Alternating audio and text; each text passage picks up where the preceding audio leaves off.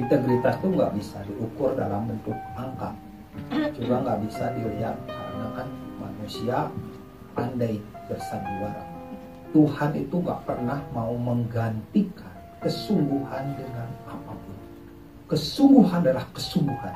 Kesungguhan itu buah dari integritas. Setiap orang yang membangun hidupnya dengan integritas buah yang muncul pertama pasti kesungguhan. Itu muncul buahnya jadi kalau kesungguhan yang nggak ada itu menunjukkan si pohon itu tidak berbuah integritas. Itu tidak berasal dari pohon integritas. Kesungguhan itulah buah pertama. Makanya ketika ada orang yang bertobat baru bertobat gitu hidupnya diletakkan di hadapan Tuhan, dia taruhkan hatinya dengan benar terus pasti buah pertama yang muncul kesungguhan